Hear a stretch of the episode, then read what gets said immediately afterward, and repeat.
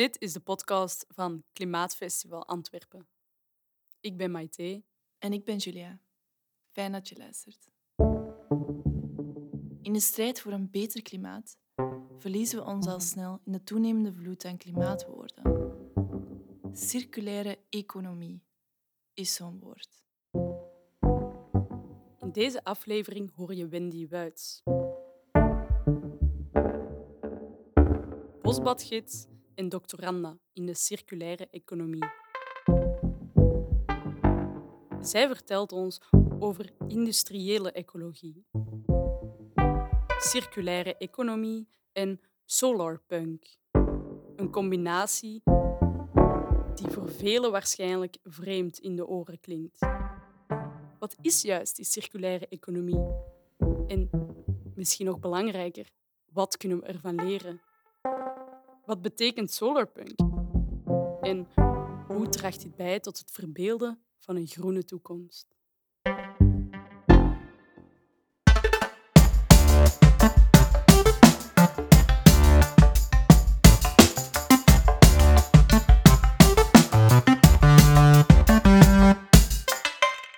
Hallo iedereen, mijn naam is Wendy Wuits en ik ga vandaag weer vertellen over Bold Branders, circulaire economie en solarpunk.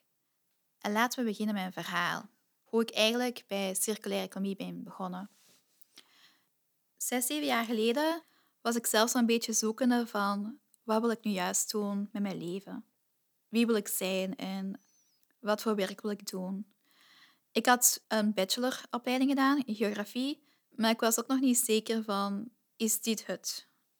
Toen heb ik gekozen om voor reisorganisatie hostess te zijn. Dus ik, ik ging met een bus mee, twee keer per week, die helemaal naar Spanje ging. Dus stel je voor, een bus met vooral oudere mensen, Vlamingen, ook af en toe een Russisch koppel. En ik moest dan zo hen een beetje entertainen. Meestal was dat een video van FC de kampioenen opzetten. En ook gewoon een babbeltje doen en ook hen eten geven. En ook inderdaad al hun afval verzamelen. Dus elke keer na een heel lange reis, ik was altijd heel moe, moest ik dan inderdaad ook heel die bus opruimen. Ook al die vuilniszakken op de busparking in Spanje dan in een vuilniscontainer doen. En ik zag ook hoeveel bussen er waren en van hoeveel afval eigenlijk verzameld wordt. Na eigenlijk een busreis van, hoe lang was het? 12, 16 uur of zo. En ik dacht van, er moet toch iets zijn waardoor eigenlijk het afval van busreizen kunt verkleinen. Maar ik had geen idee wat ik juist kon doen. Ik had zo het idee in mijn hoofd van er ontbreekt iets. Ik moet iets bijstuderen. Ik heb vaardigheden en kennis nodig. Toen ben ik inderdaad op internet gaan zoeken van welke masteropleiding kan ik doen. Dus na, na mijn bachelor heb ik vier jaar van alles gedaan. En toen heb ik eigenlijk na heel veel zoeken en dan busreizen te doen naar Spanje en terug, besloten om een industrial ecology te doen.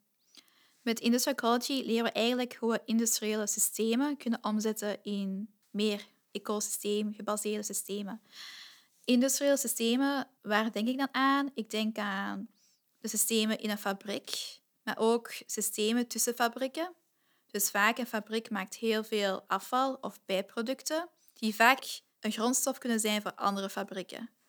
Dus eigenlijk er zijn heel veel processen, bijvoorbeeld industriële processen, zoals dingen vervormen, vuur maken of dingen afkoelen, dingen opwarmen. Dat zijn allemaal industriële processen die energie en grondstoffen vragen. En je kunt dat heel lineair doen van ik pak iets van de natuur, ik maak iets in mijn industrieel proces, dan de consument gebruikt het en dan wordt het weggegooid. Maar tijdens elke stap wordt ook heel vaak bijproducten of afval gemaakt. En vaak wordt dat ook gewoon weggegooid. Maar eigenlijk in Industrial Ecology leren we hoe al die bijproducten vaak kunnen dienen als een grondstof voor een andere fabriek of een ander soort bedrijf of een ander soort proces. En zo werkt ook de natuur. Als je naar de natuur gaat wandelen, je ziet hoe paddenstoelen oude herfstbladeren opeten, dan besef je in de natuur bestaat er geen afval. Daar heb je dat idee niet. Alles wordt gebruikt, alles heeft een doel. Zelfs als iets dood is, een dode boom, heeft ook nog kei veel functies voor de natuur. Dat kan zowel het huis zijn van insecten, maar dat kan ook dienen als grondstof voor andere organismen. Dus eigenlijk in een ecosysteemgebaseerde wereld is er eigenlijk geen verlies van grondstoffen. Wordt eigenlijk alles heel optimaal gebruikt. Wat we nu in de natuur hebben, is het resultaat van selectie van de allerbeste strategieën die werken. Dus we kunnen eigenlijk ook heel veel leren van de natuur. Dus bij industrial ecology kijken we ook vaak van hoe doet de rest van de natuur het en wat kunnen we, hoe kunnen we eigenlijk daarvoor zorgen dat ook onze industriële processen en systemen beter zijn. Eigenlijk is het wel grappig. Ik denk dat de mens misschien het enige levend wezen is dat lineaire economie doet, terwijl de rest van paddenstoelen tot eksters, dat die allemaal circulaire economie doen. Dus ik vind het wel interessant dat we eigenlijk zo losgekoppeld zijn van de rest van de natuur, dat we eigenlijk een heel ander systeem hebben van hoe we met dingen omgaan. Dus tijdens die master heb ik twee jaar lang meer geleerd over systeemdenken, over biomimicry, over circulaire economie. En hoe meer ik mij ook verdiepte in het onderwerp, hoe meer ik wist van, dit is wat ik wil. Circulaire economie, dit is eigenlijk een weg naar een betere wereld. Het is een antwoord op vele vraagstukken. Het is niet het antwoord, maar het is wel een heel sterk antwoord.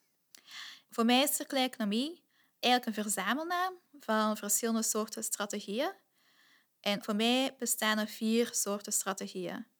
De eerste strategie gaat eigenlijk rond het sluiten van kringlopen. Dus ik denk aan recycleren, maar niet aan downcycling. Dus als je downcycelt, dan vaak gaat de waarde of de kwaliteit van je materiaal verloren. Maar als je upcycelt, dan blijft die kwaliteit nog altijd hetzelfde.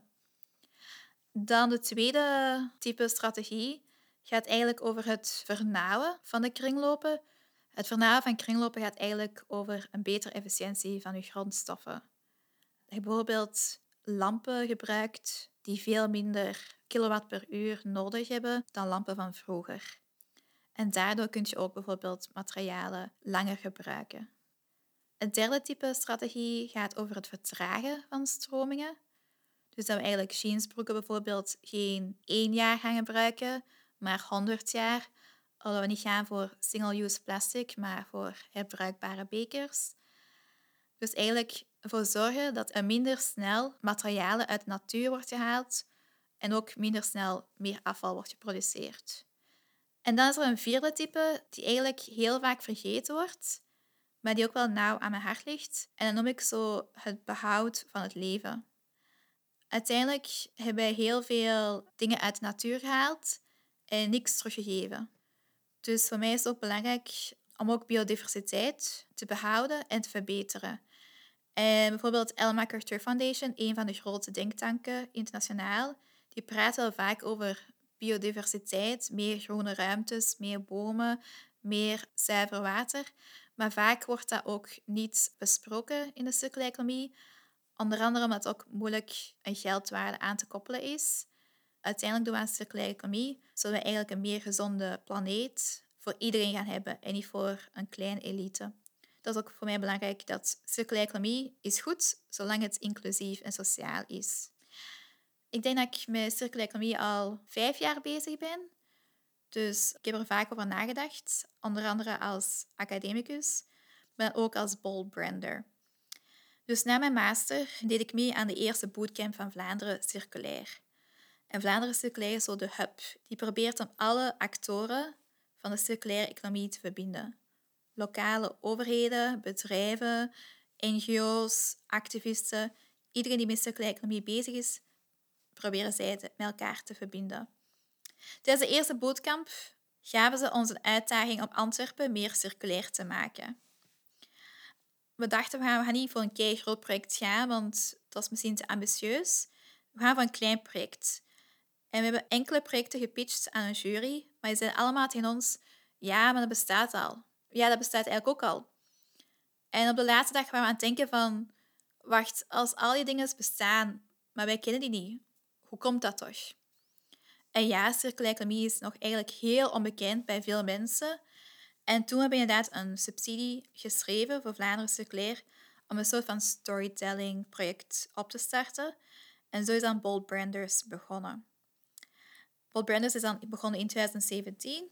En ons doel is eigenlijk om zo laagdrempelig mogelijk over circulaire economie te praten. eigenlijk toen al begrepen van we gaan niet met droge wetenschappelijke feiten circulaire economie bekendmaken, want mensen zijn eigenlijk niet echt rationeel. In economie leren we vaak van, ah ja, mensen die zijn heel rationeel, nemen altijd de beste keuzes. Dat is helemaal niet waar. Je kan mensen de meeste wetenschap toebedienen, uh, de mooiste cijfers, de mooiste figuren. Als er geen verhaal achter zit, is dat voor de meeste mensen heel moeilijk om te begrijpen. En vaak zien we dat ook, dat nog altijd als mensen over circulaire economie praten, gaat vaak over cijfers, het gaat over abstracte ideeën. Wat betekent dat juist, circulaire economie? Ik vind het nog altijd ook heel moeilijk om uit te leggen, omdat iedereen, elke wetenschapper die ik afgelopen vijf jaar heb gesproken, die heeft ook een heel andere definitie. Dus voor ons ook een beetje ook een leerreis van ten eerste, wat is circulaire economie? Hoe beeld je dat in? Hoe leg je het uit? Dus we werken vooral met verhalen.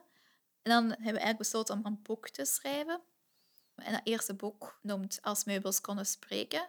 Dus we eigenlijk aan de hand van een fictief verhaal eigenlijk een personage en een lezer stap voor stap uitleggen van wat kan circulaire economie betekenen. Ik heb dat verhaal geschreven. Dat was best wel moeilijk, omdat zo'n verhalen bestaan niet vaak. Vaak als een schrijver schrijft, dan is dat niet om een bepaald thema aan te kaarten, maar het is eigenlijk een soort van, we noemen het een circulaire fictieroman, de eerste in Vlaanderen. Omdat het gewoon, het bestaat gewoon nog niet. In hetzelfde jaar heb ik ook de term solarpunk ontdekt. Dus nu komen we bij solarpunk. In eind 2018 ben ik in contact gekomen met het concept van solarpunk. Dankzij een internationaal magazine, Evan Eert. En dat is een magazine vanuit de political ecology en ze willen eigenlijk verhalen die niet vaak gehoord worden, meer promoten. Dus we kennen eigenlijk zo dat tussenveld tussen eigenlijk de academische wereld en vaak verhalen en het fictieve. Ik zag een call om een kort verhaal in het Engels te schrijven. En het moest dan local science fiction zijn, maar het moest rond een thema duurzame technologie gaan. En een term die ik toen zag was solarpunk. En ik dacht van, dat is wel iets interessants. Ik heb inderdaad een kleine zoektocht gedaan op het internet wat is solarpunk? Ja, ik vond dat schitterend wat klas. Dus solarpunk kun je eigenlijk omschrijven als optimistische verhalen over de toekomst, waar vooral duurzame energie en andere technologie centraal staat. dat komt eigenlijk een beetje van cyberpunk en steampunk. Dus steampunk bestaat al veel langer en steampunk gaat eigenlijk ook over de toekomst. Maar ze eigenlijk, de personages leven in een wereld waar nog stoomenergie wordt gebruikt. En solarpunk is dan eigenlijk hetzelfde, maar waar bijvoorbeeld zonne-energie of windenergie wordt gebruikt. En dan heb je ook wel cyberpunk, dat gaat dan meer over internet, digitalisering. Maar cyberpunk en ook steampunk kunnen vaak heel negatief zijn. Terwijl solarpunk gaat meer over het optimistische. Afgelopen jaren, zeker in de lage landen, is er heel weinig fictie over klimaatproblemen. In andere landen, zoals Engeland en de Verenigde Staten, heb je een nieuw genre, klimaatfictie, maar vaak is het ook heel pessimistisch. Ik heb al langzaam op Netflix Ragnarok gezien, een Noorse tienerserie, een beetje Twilight-achtig, maar nog altijd wel een heel pessimistische sfeer van je hebt machtige mensen die alles kapot willen maken. Wat kunnen we daar nu tegen doen? Het beste wat we kunnen doen is wel misschien vechten, maar eigenlijk moet je heel veel opofferingen maken. Dus vaak in klimaatfictie gaat heel negatief aan toe. Er bestaat weinig klimaatfictie in de lage landen en het weinige is ook vaak heel pessimistisch. Ik geloof dat als we te veel pessimistische verhalen krijgen, dat paralyseert mensen. Ik ben een academicus, dus ik informeer mij graag als academicus over waarom sommige dingen werken en sommige dingen niet. Er bestaat heel veel onderzoek over bijvoorbeeld het effect van verhalen, maar ook het gebruik van emoties in marketing en zo. En bepaalde zaken zoals pessimisme of angst paralyseren mensen. En je moet mensen doen bewegen. Je moet mensen niet alleen sensibiliseren, maar ook activeren. En als we alleen maar verhalen gebruiken die tot wanhoop, angst leiden, of het idee dat alleen de grote vissen in oceanen mensen kunnen helpen, dan gaan mensen zich niet aangesproken voelen. Dus je moet eigenlijk verhalen bieden die andere soort emoties aanbieden. Bijvoorbeeld hoop. Deze jaar gaan we nu met Bold Branders mee de Solarpunk Tour op. Dus we hebben nu al een wedstrijd georganiseerd. We hebben ons gericht op kinderen tijdens coronatijd. We hebben niet veel verhalen binnen, maar ik heb al enkele verhalen nu gelezen. En dat is gewoon heel leuk om kinderen van 11 jaar hun verhaal te lezen over een betere wereld. Uh, ook de uitvindingen. Ik dacht al, ik heb gisteren een verhaal gelezen over een kind van 10 jaar dat zo droomt over hoe het bijenprobleem kan opgelost worden. En echt zo in detail uitleggen van hoe die iets maakte. Als een verhaal vol hoop geeft, gaan mensen ook zelf beginnen te hopen van ja, het is mogelijk. We kunnen het klimaatprobleem oplossen. Als je zo'n verhaal aanbiedt, gaan mensen mee willen helpen. Woede activeert ook. Dat zien we nu ook met de Black Lives Matter movement. Woede activeert mensen om op straat te komen en hun rechten op te eisen. Maar woede is ook wel een emotie die wel heel veel energie vraagt. Dus soms hebben we woede nodig om verder te gaan. Maar ik kijk dus liever naar hoop. En vandaar ook Solarpunk mij meer aanspreekt, omdat je beeldt u een mooiere wereld in en dat maakt je gewoon gelukkig.